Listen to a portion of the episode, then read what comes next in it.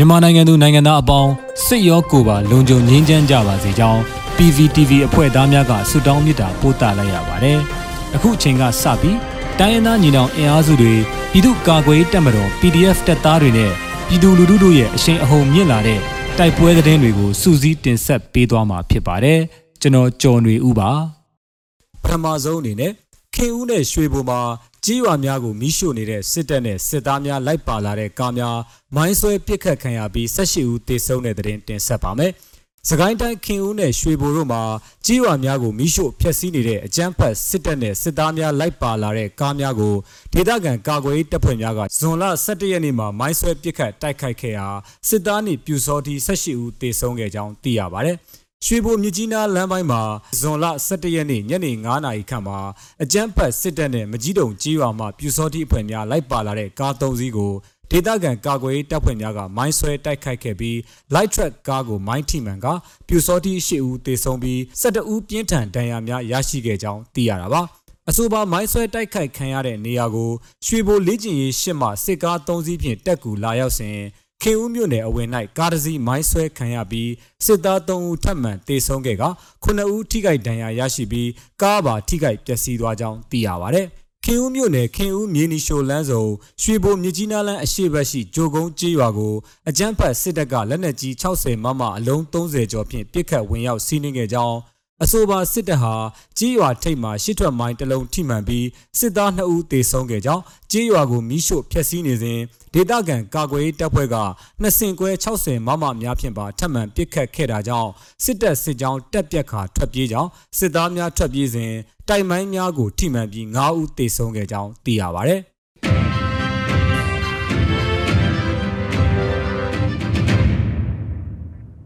ဆက်လက်ပြီး KNU တပ်မဟာ1နယ်မြေမှာစစ်တပ်စစ်ကြောင်းများရှေ့တန်းစခန်းများကို drone ဖြင့်ဘုံကျဲတိုက်ခိုက်တဲ့တဲ့တင်တင်ဆက်ပါမယ်။ကရင်အမျိုးသားအစည်းအရုံး KNU တပ်မဟာ1နယ်မြေအတွင်းရှိအကြမ်းဖက်စစ်ကောင်စီတပ်အား drone ဖြင့်ဘုံကျဲတိုက်ခိုက်သည့်မှတ်တမ်းများကိုမိဖက်ရေးရာကြီးကြပ်ကွပ်ကဲမှုကော်မတီ KNU တထုံခရိုင်တပ်မဟာ1ကယနေ့ထုတ်ပြန်ပါတယ်။ အဆိုပါတိုက်ခိုက်မှုများမှာစစ်ကောင်စီရဲ့ရှေ့ပြေးစစ်ကြောင်းများကိုတိုက်ခိုက်ခြင်းများစစ်သားများဆုတ်ခွာနေစဉ်လိုက်လံတိုက်ခိုက်ခြင်းများရှေ့တန်းစခန်းများကိုဘုံကျဲတိုက်ခိုက်ခြင်းများပါဝင်ပြီးပြည်သူ့အင်အားစု People's Force Drone Team ၏တိုက်ခိုက်မှုများဖြစ်ကြောင်းသိရှိရပါတယ်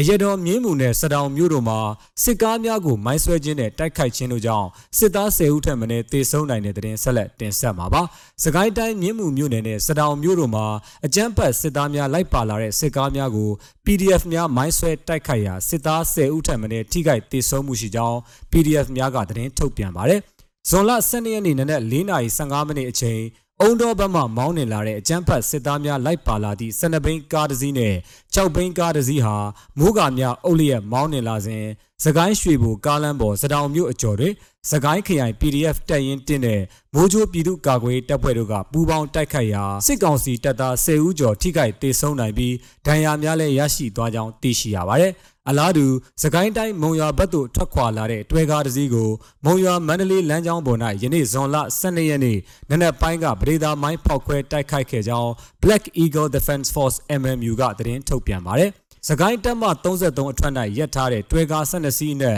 အင်အားအပြည့်တင်ဆောင်လာတဲ့တွဲကားတစ်စီးကိုမြင်းမှုမြို့နယ်အလကပ္ပကြေးရွာနဲ့ဝမ်းပြည့်ကြေးရွာအကြားမှာပရိဒါမိုင်း၅လုံးဖြင့်တိုက်ခိုက်ခဲ့ခြင်းဖြစ်ကြောင်းဖောက်ခွဲမှုကြောင့်ကားကိုထိမှန်ခဲ့ပြီးစစ်ကောင်စီတပ်သားတေဆုံးမှုအခြေအနေကိုတော့မသိရသေးကြောင်းသတင်းရရှိပါရယ်။ အလားတူဇွန်လ17ရက်နေ့နနက်4:59မိနစ်အချိန်မှာအရတော်မြို့နယ်9မိုင်ခန့်အကွာစစ်ကောင်စီရဲ့ထောက်ပို့ကား2စီးအနက်မှပထမဆုံးကားအားမဟာမိတ်တပ်ဖွဲ့များပူးပေါင်း၍ပရိသာမိုင်း10လုံးဖြင့်မိုင်းဆွဲတိုက်ခိုက်ခဲ့ရာ၎င်းကားထိခိုက်ပျက်စီးသွားပြီးကားပေါ်ရှိစစ်ကောင်စီတပ်သားများထိခိုက်ဒေဆုံးခြင်းများရှိကြောင်းယနေ့တွင်အရတော်မုံရွာကားလမ်းပေါ်၌စစ်ကောင်စီနောက်လိုက်တပ်သားများခြေရှုပ်လျက်ရှိကြောင်းသိရှိရပါသည်